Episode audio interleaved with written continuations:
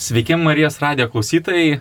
Šiandien svečiuose turime Jėvą, Paulių, Gitą, Gabrielę, Moniką ir mane Andriu. Ir šiandien norėsime pakalbėti apie ką, Monika. O, galima prieš tai atskleisti, kad esame iš Kauno arkiviskupijos jaunimo centro, tai tikrai pakalbėsime, jūs jau išgirdot, su keliais nuostabiais žmonėmis, jaunais žmonėmis apie kažką jaunatviško, bet nebūtinai tik jaunimui. Konkrečiau, imsim piligrimystę ir mes pakviesime jūs atvykti į vieną ypatingą vietą Lietuvoje, pabandyti, prasieiti ir e, gal dar kažką daugiau nuveikti. Tai mes šiandien apie atlaidus, apie atlaidus, kurie vyksta Šiluvoj ir ten nutiksinti kažkokį dalyką, kuris vadinasi piligrimystė. Bet gal susipažinkim. Tikrai galim susipažinti. Tai gal trumpai apie save, ką šiaip veikiate kartais gyvenime, tai Pauliau, vienu sakiniu. Studijuoju religijos pedagogiką ir šviežiai pradėjau dirbti tikybos mokytoju. Lietuvoje yra tikybos mokytojai, kurie yra vaikinai. Mhm, kažkur kas 20 galbūt mokytoja tikybos yra, mokytoja yra mokytojas. Geras, tikrai Galbūt. būčiau nustebusi, jeigu būčiau susitikus savo mokykloje ne vienuolę kokią sesę su abitu, o va tikybos mokytoją. Ir dar ne kuniga. Tai nėra statistiniai duomenys, bet tai ką mačiau Kauno viskupijos mokytų susirinkime iš kokių šimto, mačiau kelis vyrus irgi džiaugiausi. Smagu. Gita, ar gali prisistatyti? Aš esu Gita ir aš studijuoju mediciną. Tiek va, studijuoju ir dar kartais pasavanoriauju. Ir į žygį nueinu. O Va. kitą gali pagarsinti, gal tu turi kokią nors svajonę, kokią zoną medicinos tau yra įdomi, kas tau rūpi, ar tu nori pjaustyti, apžiūrėti akis, ar dar ką nors? Man labai įdomu, tai yra šeimos medicina. Man atrodo tokia labai miela specialybė būtent medicinos, tai svajonė gal tokia, bet žinoma, dar čia gali keistis ir keistis. Ačiū Gita, Jėva, prisistatyk. Tai esu Jėva, baigiau ką tik studijas audiovizualinio vertimo ir va, ir šiaip visai daug savanoriauju, daugiausia Kauno arkiviskupijos jaunimo centre, bet ir kitur pasitaiko, kur savanoriauju, tai labai tuo džiaugiuosi. Ir aš dabar jaučiuosi ta tokia smalsi radio klausytoja ir galvoju, audiovizualinis vertimas. Gal tu gali išversti kažkaip lietuvių kalbą? Tai yra studijos apie vertimą, į tai įeina įgarsinimas, dubliavimas ir subtitravimas. O tai yra audiovizualinis vertimas. Tokia reikalinga ir naudinga specialybė. Dabar labai dažnai pasirodo, pavyzdžiui, LRT eteryje ar ne nacionalinio transliuotojo titrai ir kai žmogus žiūri, kuris negirdi, gali skaityti. Net serialą, kas yra neįtikėtina. Tai labai fainai, kad e, tos studijos įtraukia tiesiog žmonės, kurie yra e, neįgalus, tai kad jiem mes padėtume pamatyti viską ir išgirsti, ko jie negali. Geras. Ir dabar visai būtų tiesa klausytojams pasakyti, kaip, pavyzdžiui, atrodo Jėva, nes jie tik tai girdi dabar mus. Tai, pavyzdžiui, Jėva labai gražiai šypsosi. Aš tiesiog karts nuo karto atskleisiu jums, kaip atrodom čia mes studijoje. Ir Andrius dar tik norės paklausti, kas yra Gabrielė. Taip, Gabrielė, prisistatyk. Aš esu moksleivė, einu dabar 12 klasę ir tuo pačiu metu savanoriauju Kauno arkiviskupijos jaunimo centre. Kaip tu jautiesi pirmoji savaitė tavo 12 klasės? Kas bus? Jauduliukas yra, baimė, bet viskas bus gerai. Kas tu esi, Andriu? Aš esu žmogus, kuris dirbo Kauno arkiviskupijos jaunimo centre ir mėgsta daug kur dalyvauti ir savanoriauti, gal irgi netgi pridurčiau. Taip pat kartais išeiti į įvairius žygius. O Monika, o kasgi tu esi? E, Aš irgi esu žmogus, pirmiausia. Šiandien tiesą pasakius esu pirmo kurso studentė teologijos, tai truputį panašu ten su Paulium dalykai ir esu po pirmos paskaitos, tai esu dabar e, tokiai geroj zonai, e, smalsumo zonai. Ir tikrai šiandien noris irgi pasmalsauti kartu apie vieną ypatingą temą. Galiu atskleisti, kad kitą vasarą, čia toks tolimas dalykas, tokioje tolimoje valstybėje, Lisabona, tai Portugalija, vyks pasaulio jaunimo dienos, kur susirinks, įprastai susirinkdavo iki pandemijos iki dviejų milijonų žmonių, kartu susitikti su popiežium, tai gal tiek ir susirinks, ar ne, į Lisaboną. Ir labai įdomu, pasaulio jaunimo dienos pasivadino tokiu šaukiniu, Marija susiruošusi skubiai iškeliavo.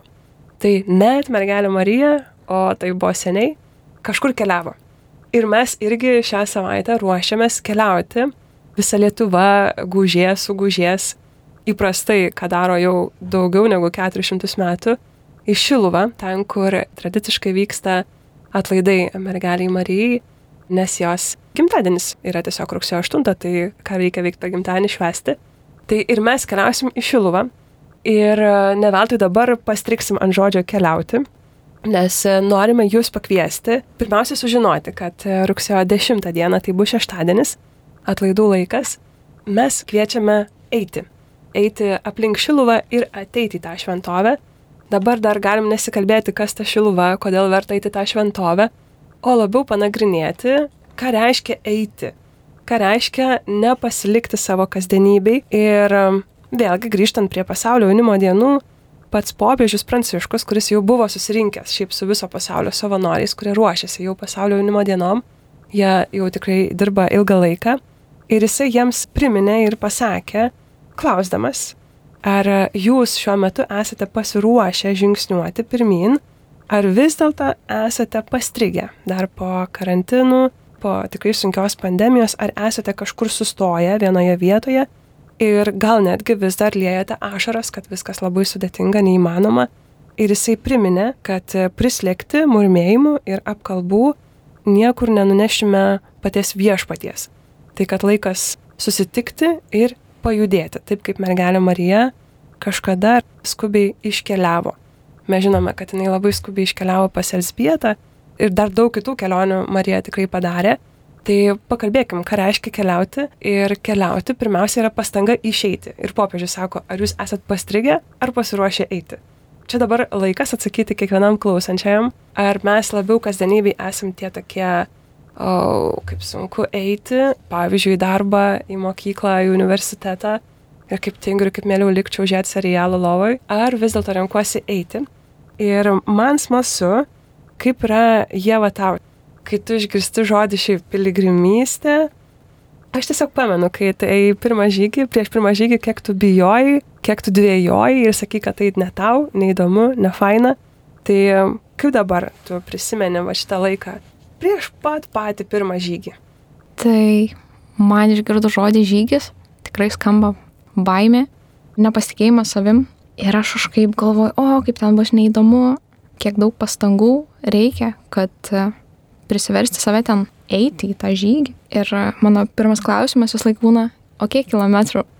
Tai tada aš galiu pasiruošti, kad, o, netgi devyni.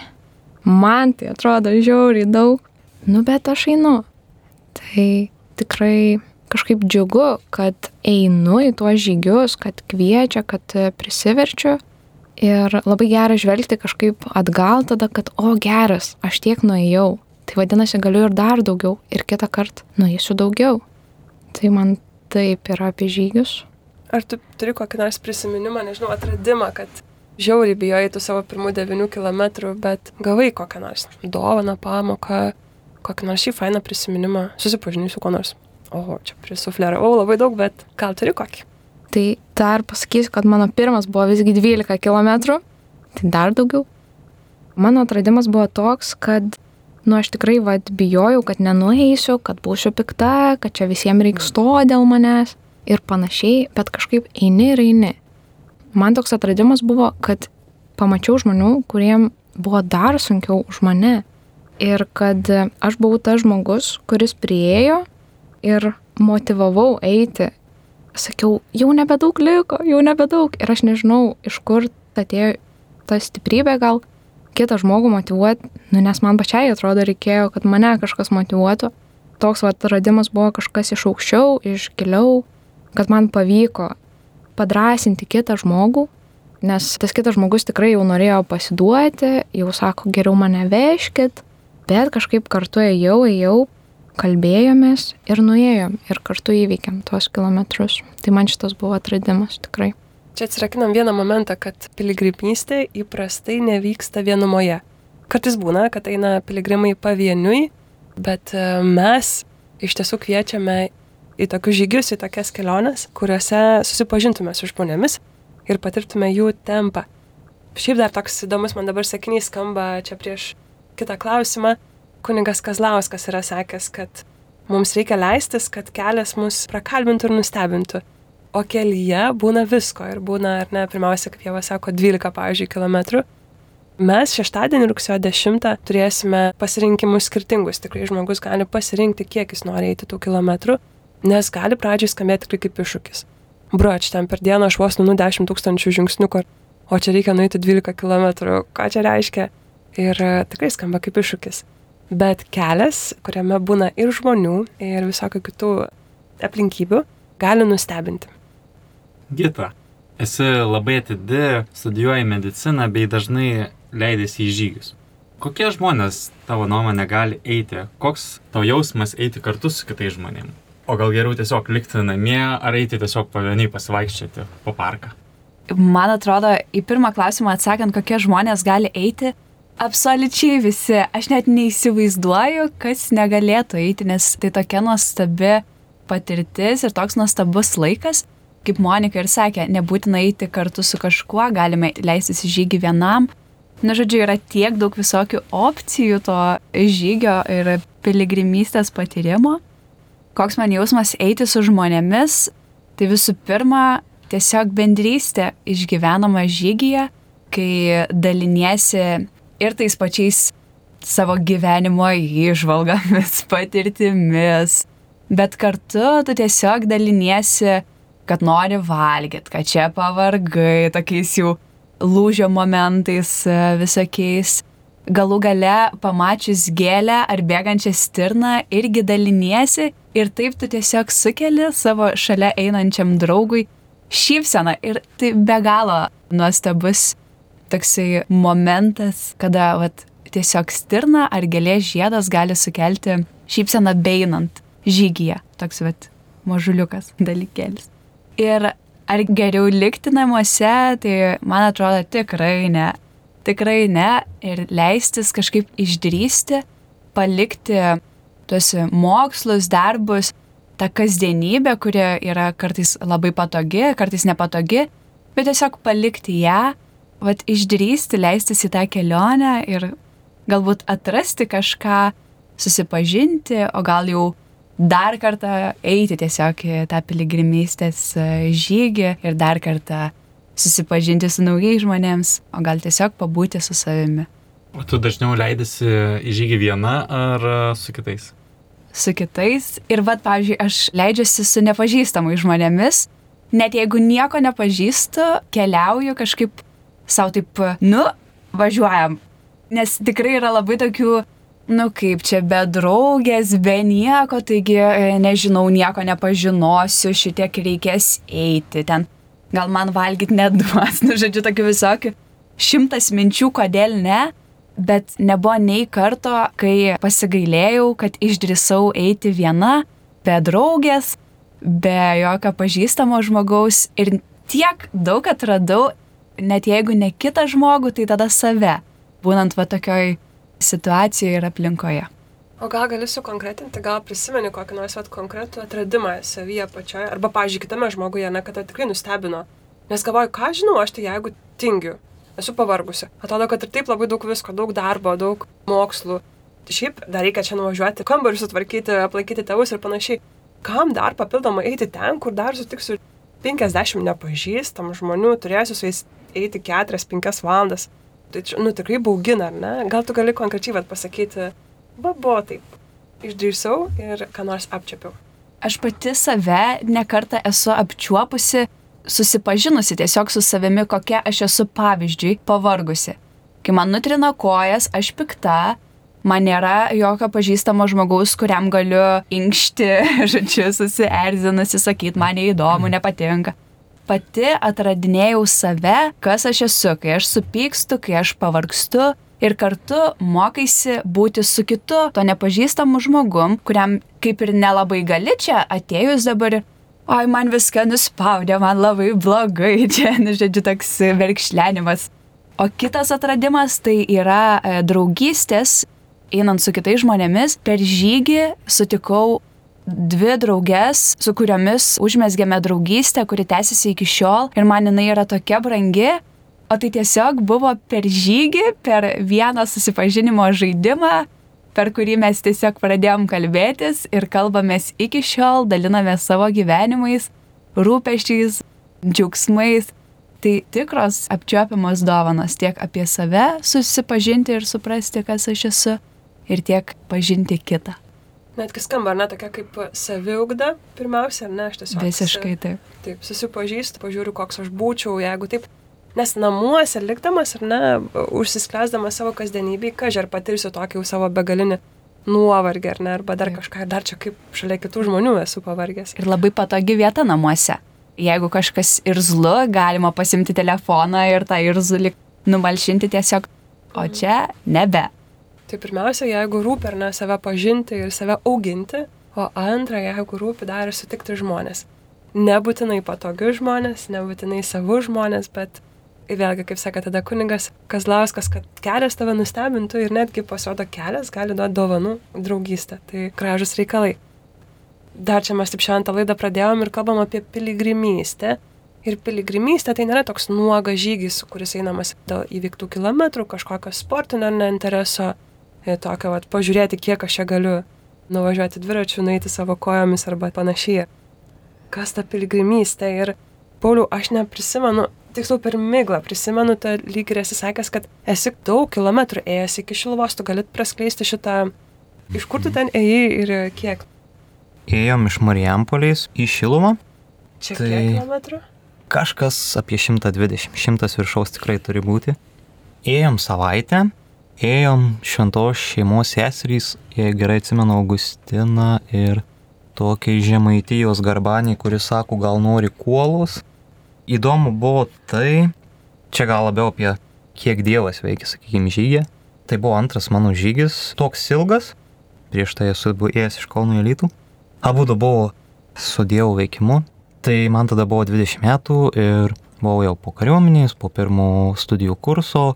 Ir manau, visai daugelis žmonių nutinka toks dalykas gyvenime, kada kartais tikrai toks būna žemas taškas, kada jie nenori eiti iš namų ir tai yra labai rimta, kada žmogus tikrai nenori išeiti iš namų, nes jis jaučia labai didelį įtampą ir diskomfortą būti tarp kitų žmonių. Kai kuriem depresija kartais ten išrašo daktarė, aš nebuvau pasijaukus daktaras, nežinau, ar man įvardytų depresiją ar ne, bet tikrai buvo blogai aš tą vasarą labai sunkiai betraukiau save į žmonės, ten jau dirbti, ten pas ūkininką tokį pažįstamą. Labai daug laiko praleisdavau gamtoj, nu ir į vasaros galą mane pakvietė tos pažįstamos seserys ir aš išėjau. Ir stengiausi atrodyti normalus. Tai man lyg ir neblogai sekėsi, bet vidury žygio pradėjau netgi atsigauti ir pagrindinis momentas gal buvo, kai buvo ketvirta diena, mes jau nuėję daugiau kaip pusę kelių, jau tikrai daugiau kaip pusę mokykloje nakvojom, kas įprasta. Pusiau pabėgėlių sąlygomis, kur ten kažkas kažkur virtuvėje improvizuota, kažkas kažkur mėgamieji improvizuoti. Ir tai buvo vakaras, kada mes jau vieni kitus pažįstam ir sakėm vieni kiti komplimentus, buvo daug žvakių klasėje, jau prietema, kažkaip žmogus sėda į savo grupelės ratą ir jam sako.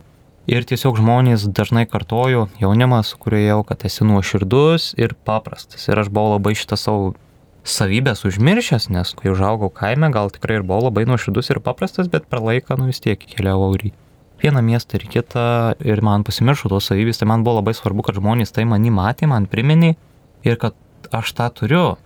Ir man tai buvo labai didelis toksai paskatinimas tikrai išeiti iš namų ir vėl pradėti pasitikėti žmonėm, pasitikėti savim, pasitikėti Dievu, kad iš tikrųjų pasaulyje tikrai yra kažkas gero, kad nėra čia taip, kad kas antras depresija serga ir mes čia visi užsilenksim. Nes kai žmogui labai blogai, tada jisai pagal savo supratimą suformuoja pasaulį. Tave pakvietė seseris vienuolės Jo. ir tarsi piligrimystė tai yra kelionė, kai tu eini, yra tikimybė, kad su tavim kartu eina Dievas, jis gali tave kažkaip kalbinti, prakalbinti, ar konkrečiai tu gavai padrasinimą, ar piligriminiai žygiai yra skirti tik tai tikintiems žmonėms ir čia, žinai, jeigu tu nesusijęs su religija, tai tau bus šakės, nes visą kelią šimtą kilų savaitę eini ir viskas apie tą Dievą ir ar tada netikinčiam žmogui reikia rinktis paprastus normalius žygius? Tikrai nebūtinai. Žmogui, kurį nervina religija, gal ir nesiūlyčiau rinktis, jeigu jis tikrai žino, kad jį tai nuolat dirgins. Bet jeigu tai yra žmogus, kuris nežinau, netikiu, neįdomu, bet eisiu, tai viskas gerai, nes visų pirma yra žmonės, tai viskas prasideda nuo žmonių, nuo naujų pažinčių. Ten irgi tikrai buvo jaunuolių, kurie gal vienas profesiniai mokyklai mokos, kitas dar, dar kažką, kompiuteriniai žaidimai pagrindė įdomu. aš neatsimenu, ar mes telefonais naudojomės, gal net nesinaudojom, jau vien tas faktas. Jau kai iš tavęs paima telefoną ir tu atsidūri, kad ir tarp kitų žmonių, pavyzdžiui, vyrukas tarp kitų vyrų, kur pasakoja anegdotus, ir labai gera, tai mažų mažiausiai galima išgyventi bendrystę ir tada pamatyti, kad tikintys žmonės yra nu, normalų žmonės draugiški, vad ką galbūt netikinti žmogus galėtų įsinešti iš žygio. Bet to aš ir pats šiaip į tą žygį jau, jau su tokiu biškiai stipriai atmirusiu tikėjimu. O žygis, kur minėjau iš Kaunų į Alytų, tai buvo, kai aš dar net ir nebuvau tikintis, man buvo 15 metų ir mane nustebino, kad sesys vienuolis, taip pat šventos šeimos, bet kitos, tikrai programa buvo įdomi, ne tai, kad ten katekizmo tiesas pasakoja, bet aš neatsiminsiu, kas buvo, bet faktas tas, kad tai visai traukė Ir aš paskutinę dieną nuėjau iš pažinties, pirmą kartą su kunigu taip vienas ant vieno, prieš tai buvau gal per pirmą komuniją buvęs, tai mano buvo pirmoji nuoširdį iš pažintis, kurioje atsimenu visko nepasakiau, nes buvo per daug baisu, bet labai nuoširdžiai atsakiau, tai atsimenu, kad aš drebėjau tada. Buvo tokių žmonių, kur irgi ten nesupras kiek tik ir ne, tokius studentus sutikau, su kuriais labai gerai bairius kaldėm ir man toks buvo wow, nes aš šiaip tam kaime daug draugų neturėjau, tai žygė labai va, ta bendrystė jautėsi.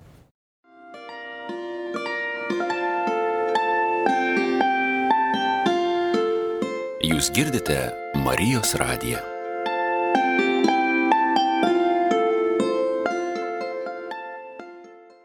Čia visai praskamba tokia klišė, turbūt, kuri gaji yra, kad mes, kai išgirstam piligriminis, tarsi aišku, Mhm. kad čia kažkas su bažnyčia ir tada bandom įsivaizduoti, kaip tai bus, ar ne? Bet iš tiesų kiekvienas piligriminis žygis skiriasi tarpusavyje. Viename galima eiti, pavyzdžiui, kontemplatyvų žygį piligriminį, eiti visiškoje tyloje, kitame gali būti aprašytas tavo mobilus telefonas, gali būti paimtas, o kitame galbūt sakys, išsitraukite mobilius telefonus, įsijunkit Spotify, klausykite dabar liudymo, įsidėjau sinuką. Žodžiu, gali būti visokių, visokių formų, aš galvoju irgi, kai pradėjau eiti piligriminius žygius, tai irgi buvo dar mokyklos laikais, mes įdom tokius džiaugsmo karavanus, jų tikslas buvo eiti ir mažose miesteliuose arba gyvenvietėse atlikti gražius darbus. Tokius, kai tu ateina penki e, jaunuoliai, pasibeldžia į bakūžę tokią savanotą ir sako, laba diena, mes piligrimai norėtume atlikti kažkokį gražų darbą. Ir tada jums močiutė sako, o vaikeliukai, kaip faina, štai bulvių daržas, e, laukas, jums reikės nuimti e, Kolorado vabalus. Ir mes tada šešiolikmečiai įmam Kolorado vabalus ir e, nuėjo kokį 30 km tą dieną. Ir ten iš tiesų skleidžiasi visai kitoks kelias ir tai yra irgi piligriminis žygis, kai tu vad gauni užduoti ir e, visiškai nežinai, kas bus, ar ne, eini va džiaugsmo karavaną ir iš tiesų patiri džiaugsmą, nes kalbėsi su 80 metų senolė, kuri pasakoja nuostabius dalykus, matai savo bendramžius e, renkančius Kolorado vabalus, kaip Paulius sakė, ne, paprastumą tokį, prisimeni, kad esam, nu, bet visi tokie tikrai paprasti, nelieka kaukių kažkokių vaidybų. Iš tiesų yra labai skirtingi tie piligriminiai žygiai ir siūlyčiau pamesti visus stereotipinius apibūdinimus, neįsivaizduoti, kad ten rožinis nuolatos skamba. O gal yra ir toks piligriminis žygis, kur nuolatos rožinis skamba. Ir tai irgi labai gražu, bet reikėtų pasitikrinti, į kokį piligriminį žygį jūs esate kviečiamas. Gabrielė, esi moksleivė, ką tik pradėjai savo kelionę 12 klasėje ir visai nesenai ėjai savo pirmąjį piligriminį žygį. Kokios nuostatos buvo prieš žygį? Iš pradžio galvojau, kad žmonės tokie kaip aš tiesiog į tokius dalykus neina. Tie, kurie nesilanko bažnyčiose ar tiesiog netiki. O nuėjus pirmą kartą, tą pirmą žygį, pirmąją kelionę pradėjus, net netruko net penkių minučių, viską supratau, kad čia viskas yra gerai, aš čia irgi tinku. Ir kaip Birgita minėjo, kad čia gali eiti visi, nes kelyje niekas neklausia, ar tu tiki Dievu, ar ten priklausai kokiai nors religiniai bendruomeniai. Tiesiog reikia leisti pačiam keliui tave vesti. O ką pasakytum tokiam pačiam dvėjojančiam, jeigu buvo prieš tai va dvėjonio eiti į žygį, ką pasakytum? Aš tik pasakyčiau pabandyk, nes nepabandęs tu nieko nežinosi, tai tiesiog leisti savo visus nerimus į šoną ir tiesiog pabandyti. O to nebuvo sunku, to neskudėjo kojų, nenervino, kad e, reikdavo čia eiti visą dieną. Nežinok. Ne, aš mažiau galvojau apie tą kelią, galvojau, kaip susibendrauti žmonėm, tai tas kelias taip atrodo greit praėjo. Ar aš, kaip žmogus, kuris niekada tam, pavyzdžiui, neinu, nueisiu tos kilometrus ir tikrai nepavargsiu ir neužknis manęs šalia esantys žmonės. Tai tokios dviejonės yra visiškai legalios, kaip girdim iš Gabrielės lygiai taip pat. Irgi turėjo tų dviejonių, ir Gita turėjo, ir Jeva turėjo, ne, nu, vad, kyla kažkokiu klausimu, ne. Paulius gal irgi turėjo, bet gal daugiau turėjo jau noro išeiti kažką daryti, nes buvo sudėtingos situacijos. Tai vad visai būna ir šią akimirką irgi norėtųsi dabar jau mus atgręžti visus į tą rugsėjo 10 dieną, ypatingas šeštadienis, kur mes visai galvojam, o ką nuveikėm, kaip susitinkam tose atlaiduose, ar tiesiog suvažiuojam su automobiliais prie šventovės ir einam melstis prie to maloningo, stebuklingo mergelės Marijos paveikslo. Mes vis dėlto atsigrėžiam į tą gyvą piligrimystę, kuri tiesiog ten verda ir sukasi aplink Šiluvą, aplink mūsų šventovę. Ir įdomumo dėliai, senas reikalas yra pasirodo vykti į Šiluvą. Ir nuo pat pradžių, kai mergelė Marija apsireiškia, ten jau prasidėjo atlaidai, buvo švenčiama ir tūkstančių tūkstančiai, man neįtikėtina, buvo perskaityti tuos skaičius, kiek daug žmonių net įvairiose sąjungose, ar ne, net kai buvo draudžiamas katalikiškas tikėjimas ar nekrikščioniškas tikėjimas, net tuo metu ten plūdo ir net ir dabar dar įprasta, kad vėlgi keliasdešimt tūkstančių žmonių atvyksta per atlaidus, kurie trunka kelias dienas, atvyksta prie vietos, kur apsireiškia mergelė Marija Tasik jinai apsireiškia vėlgi labai įdomu, vienas pirmųjų Europoje apsireiškimų mergelės Marijos ir dar apsireiškia ne katalikui. Toksai ekumeninis susitikimas vadinasi tikrai labai visiems. E, mergelė Marija ir Tasik pasirodė su ašaromis, kaip yra liudyjama, dėl to, kad e, toje vietoje tuo metu jau buvo ariama, o vat jinai sakė, o prieš tai čia mano sūnų garbino ir jinai davė ženklą, kad e, būtų atkurta šventovė, ar ne, nes šventovė buvo sunaikinta ir e, buvo dingę bažnyčios dokumentai, buvo tokių daug ten nesutarimų. Ir mergelė Marija tiesiog vidury Aremo lauko atsiranda ir pakviečia atkurti tą šventovę. 400 metų funkcionuoja šventovė, yra šventovė, į kurią gera susirinkti. Ir šį kartą rugsėjo 10 mes kviečiam irgi suvažiuoti, suvažiuoti iki 12 val. ateiti užsiregistruoti prie Šiluvos koplyčios, pasirinkti maršrutą ir pabandyti praeiti. Andriu, gal gali pasakyti, kokie yra maršrutai, kokie yra pasirinkimai? Maršrutai tai tikrai labai lengvi, kaip Jėva minėjo, tai 9 km yra žiedinis gyvos pilgrimystės maršrutas, 9 arba 12 km maršrutai ir juose lauks netgi keletos užduočių, ar tiesiog pavadinti punktų, kad paivairintų tą visą žygį ir būtų tik tai įdomiau. Tai tikrai verta leistis į šitą kelionę, o žygių gale turėsime kryžiaus kelio stotis su gyvais liūdėjimais, tai tikrai verta. Gal iki klausimas. Taip pat mums užtenka atvažiuoti į Šiluvą, kur per dieną yra kelios šventos mišios, nueiti šventas mišes, nueiti iš pažinties prieš tai, gauti visuotinius atlaidus ir viskas. Tai mes siūlom šeštadienį išgyventi ypatingai dėmesio subalansuotą bet kokio amžiaus žmonėms. Tai gali būti mokytojas su savo moksleiviais, tai gali būti sutvirtinamųjų grupė, kuri ką tik pradėjo ruoštis priimti sutvirtinimo sakramentą. Tai gali būti šeima su vaikais. Nedaug kilometrų - 9 arba 12. Ir e, gali būti, žodžiu, šeima, vyras ir žmona nusprendė savo laiką, va dabar 4-5 valandas paskirti eiti, pasiruošti ateiti iki to maloningo mergelės Marijos paveikslo, tikrai irgi maloninga mergelės Marijos šventovė į vietą, kur ji pati apsireiškia pasiruošti. Tai reiškia išeiti ir visą dieną skirti susitikimui, kuris įvyks vakare su pačia mergelė Marija ir aišku su viešpačiu. Tai e, vakare mes, kai ateisime į šventovę, dalyvausime šventose mišiose, tada uh, turėsime, kas buvo tenais metais tikrai matėt, labai labai gražią vakarienę su tikrai bendrystė, su muzika, su skaniais patiekalais, tokią vat atvirą visiškai visiems vakarienę ant arkivyskupo pievos Šiluvoj, o po to eisime į žiburių procesiją, irgi tokį ypatingą momentą. Tai jeigu jūs galvotumėte, kad galite atvykti savarankiškai, tai mes kviečiam atvykti individualiai iki 12 val. ir užsiregistruoti, pasirenkant vieną ar kitą maršrutą. Bet jeigu norite vykti asmeniškai po vieną, arba, pavyzdžiui, tiesiog dviese su draugu ar ne tryse, tai dar galima užsiregistruoti kažkaip ten, kažkoks autobusas rėdės, ar ne iš Kauno? Taip. Kauno arkiviskupijos jaunimo centro puslapyje www.kaits.lt arba internetiniam puslapyje Facebook'e Kauno arkiviskupijos jaunimo centras rasite nuorodą į autobusą, kuris renka ir veža pavienius norinčius žmonės arba tiesiog grupė jūsų žmonių susikoopeраvusią. Tai tikrai visa informacija yra www.kaits, tai yra K-A-J-C, Kauno arkiviskupijos jaunimo centras.lt. Ten galite ir mums parašyti, paklausti, jeigu kažkas neaišku, ir užsiregistruoti į tą autobusą arba pamatyti informaciją, kai vyksta diena.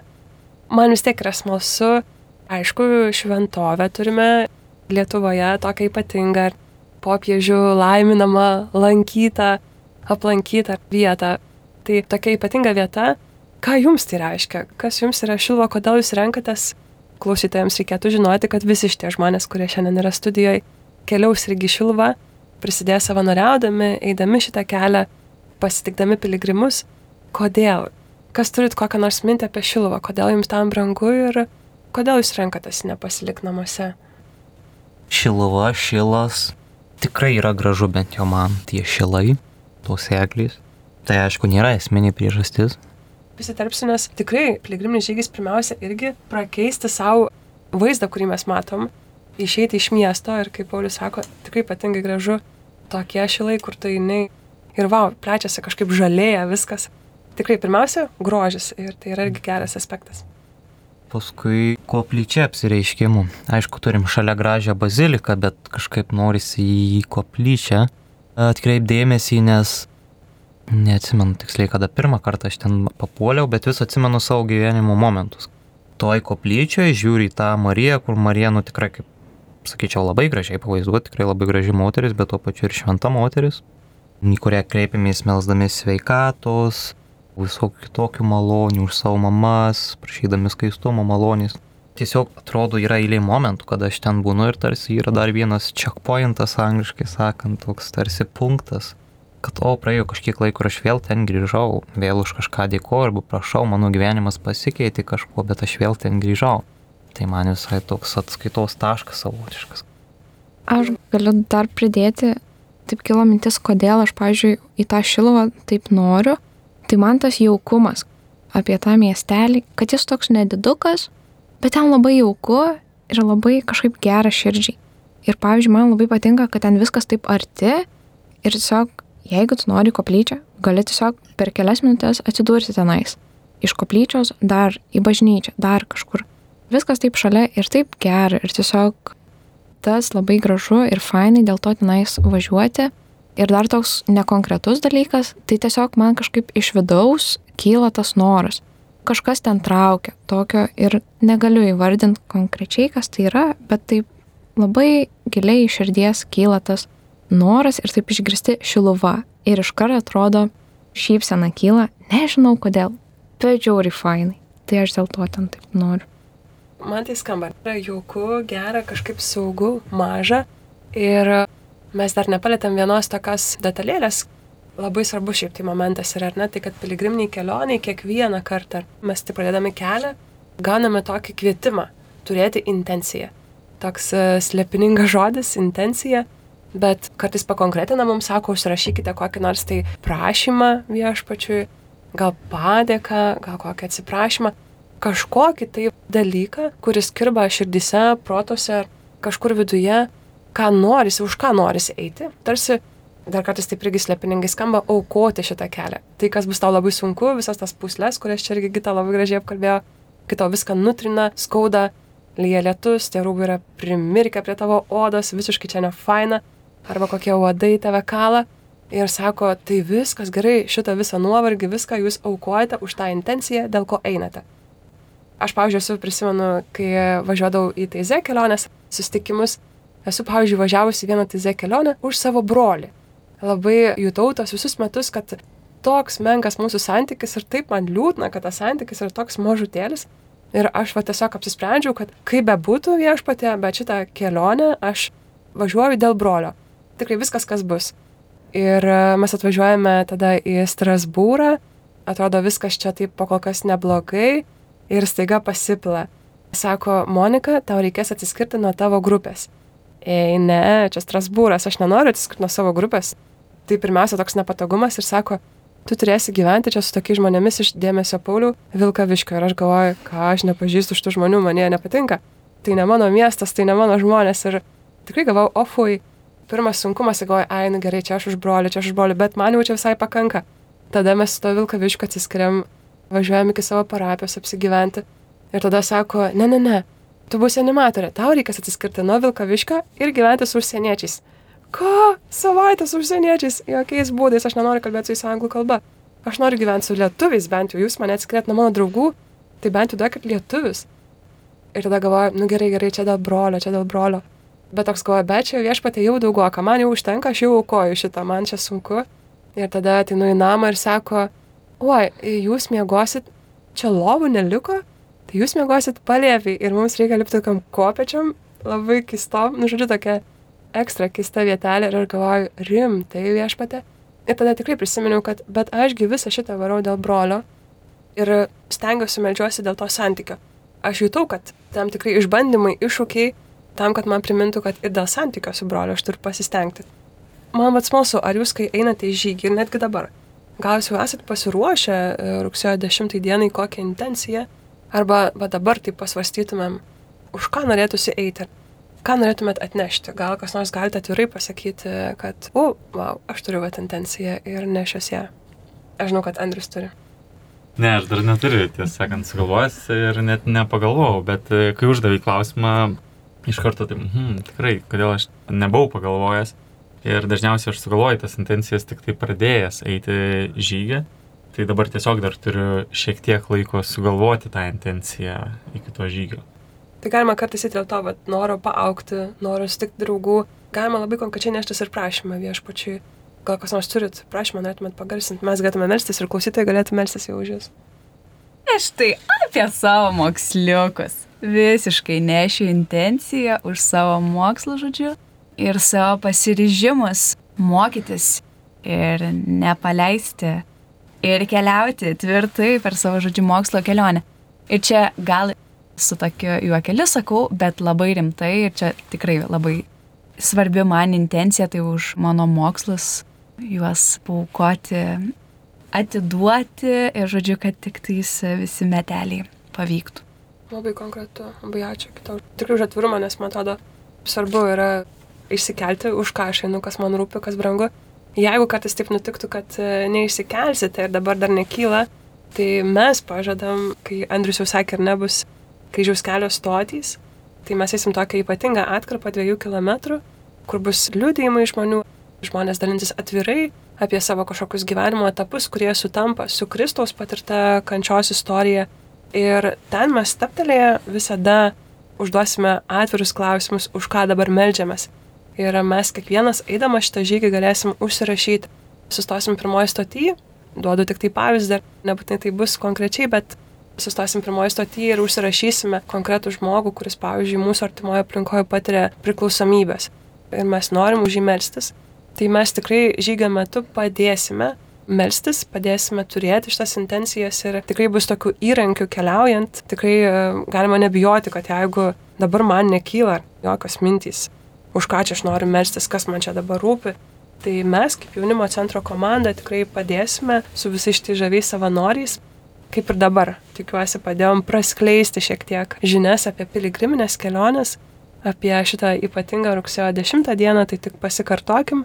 Rugsėjo 10 dieną mes kviečiam iš visų Lietuvos taškų, visiškai visų viskupijų, visų miestų, miestelių, kaimelių, žodžiu, vienkėmių, atvykti į Šiluvą iki 12 val. prie prisikelimo koplyčios užsiregistruoti, pasirinkti, kiek kilometrų jūs norite nueiti 9 ar 12 ir tada jau nuėjus visą kelią, susitikti šventose mišiose, ypatingoj proginiai vakarieniai šventiškoj ir žiburių procesijoje.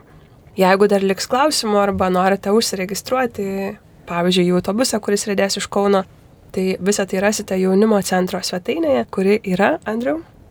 www.skaits.lt arba Kauno arkiviskupijos jaunimo puslapyje.